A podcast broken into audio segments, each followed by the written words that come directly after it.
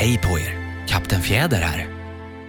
Hörni, tänk om det fanns ett tyg som var osynligt om man var lite dum eller inte skötte sitt arbete. Det är precis vad som hände i kejsarens nya kläder som vi ska läsa upp idag. Varsågoda! För många år sedan levde en kejsare som tyckte så ofantligt mycket om vackra nya kläder att han slösade alla sina pengar för att bli riktigt fin och grann. Han brydde sig inte om sina soldater, brydde sig inte om teatern eller att åka omkring på promenaderna om det inte var för att visa sina nya kläder. Han bytte rock varje timme på dagen. Om andra kungar sa man ofta att de satt i rådslag. Om denna så sa man alltid kejsaren är i garderoben. I den stora staden där han bodde gick det mycket livligt till. Varje dag kom många främlingar. Och en dag kom två bedragare. De gav sig ut för att vara vävare som gjorde kläder och sa att de kunde väva det vackraste tyg som man kunde tänka sig. Inte nog med att färgerna och mönstret var ovanligt vackert så hade tyget en speciell egenskap. Tyget var nämligen osynligt för de människor som misskötte sitt arbete eller som var dumma. Alltså, om man misskötte sig eller var dum så kunde man inte se tyget. Det skulle ju vara fina kläder, tänkte kejsaren. Då jag har på mig dem så skulle jag kunna upptäcka vilka män i mitt rike som missköter sitt arbete och jag skulle kunna skilja de kloka ifrån de dumma. Det tyget måste genast vävas åt mig. Och så gav han de två bedragarna mycket pengar i förskott så att de kunde börja sitt arbete. Från den dagen så satte de sig vid två vävstolar och låtsades som att de arbetade. Men det fanns inget tyg i vävstolen. De begärde hela tiden det finaste silke och det vackraste guld. Men detta stoppade de i sin egen ficka och arbetade med de tomma vävstolarna långt in på nätterna. Nu skulle jag ändå bra gärna vilja veta hur långt de kommit med tyget, tänkte kejsaren. Han var lite underlig till mods då han tänkte på att den som var dum eller som misskötte sitt arbete inte kunde se det. Alltså de som skulle kontrollera om tyget verkligen var på riktigt. För sig själv trodde han inte att han behövde vara orolig men ville först skicka någon annan. Varenda människa i staden visste vilken sällsam kraft tyget hade och var och en önskade se hur dålig eller dum man var. Jag vill sända min gamle trogne minister bort till vävarna, tänkte kejsaren. Han kan bäst se hur tyget tar sig, för ingen sköter sitt arbete bättre än han. Den gamle hederliga ministern gick in i salen där de båda bedragarna satt och arbetade med de tomma vävstolarna. Och Gud bevare oss, tänkte den gamle ministern och spärrade upp ögonen. Jag kan ju inte se någonting. Men det sa han inte, för det betydde ju att han var dum och inte skötte sitt arbete.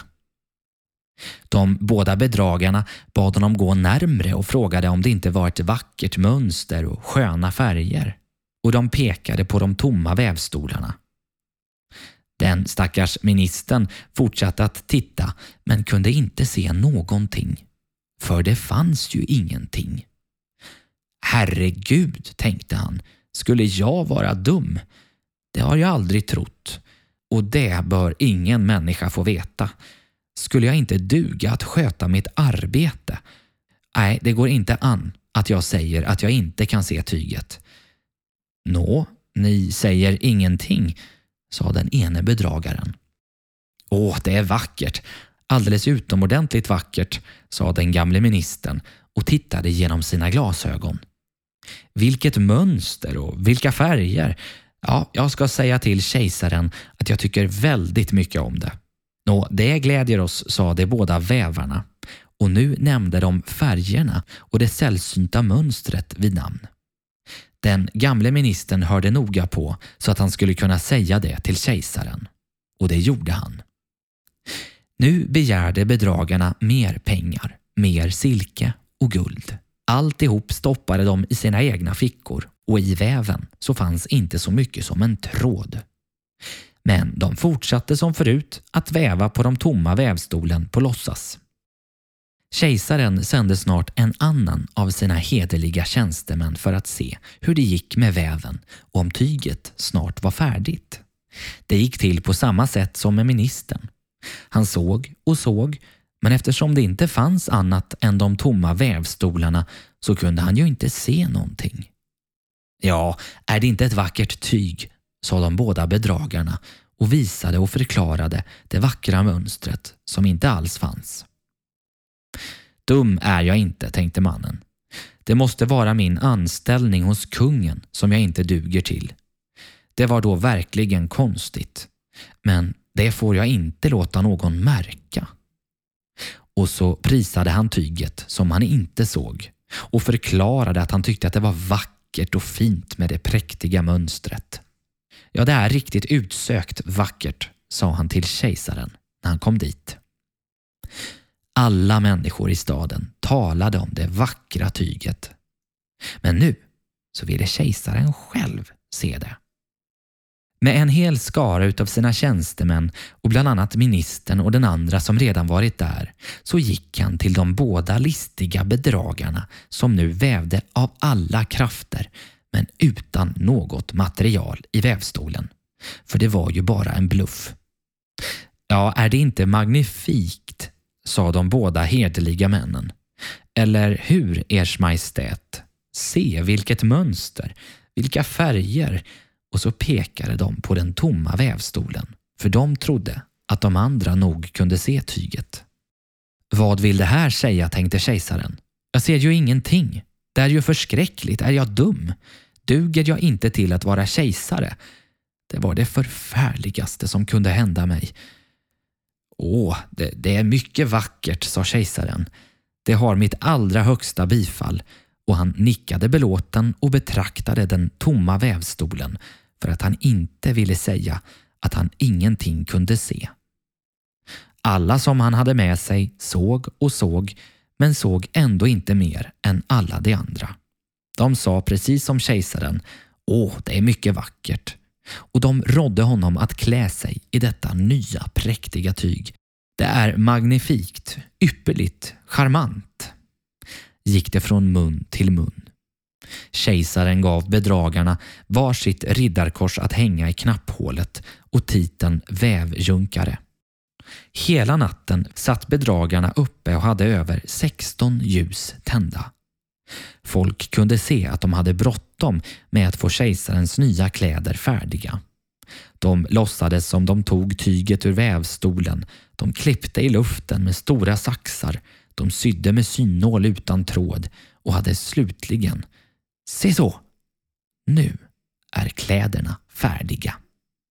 Kejsaren kom dit med sina närmsta följeslagare och de båda bedragarna lyfte ena armen i vädret som om det hållit i något och sa Här är benkläderna och här är rocken och här är manteln och så vidare.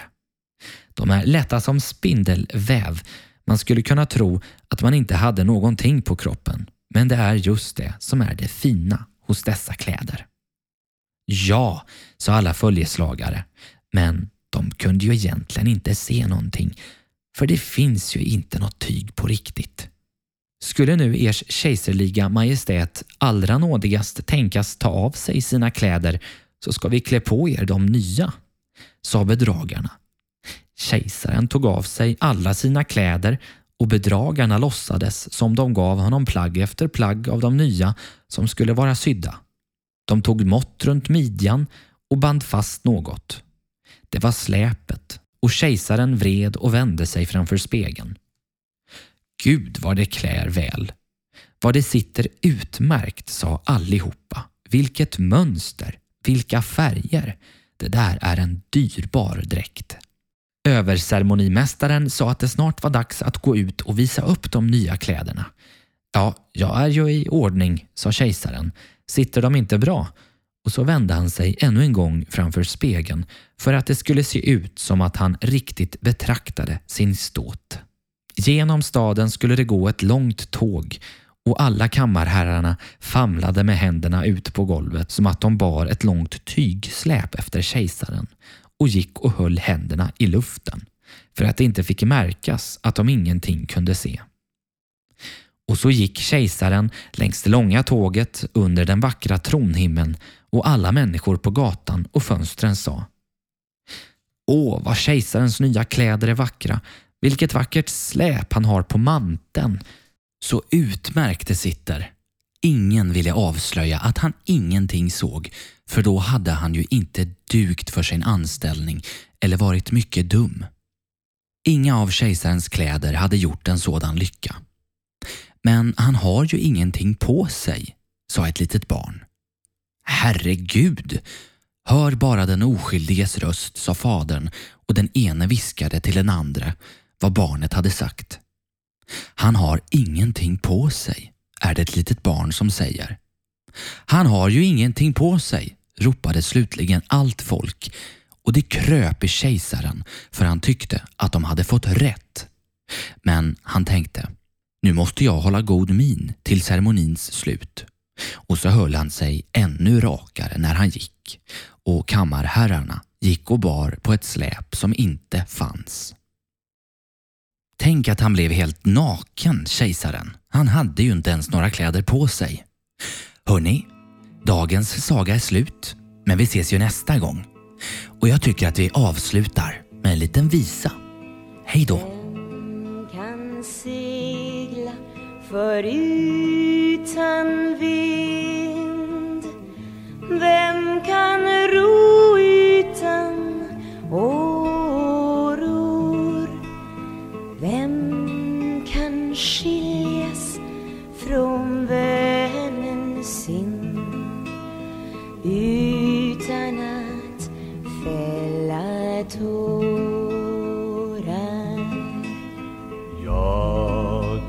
segla för utan vind. Jag kan ro utan åror Men ej skiljas från vännen min. Utan att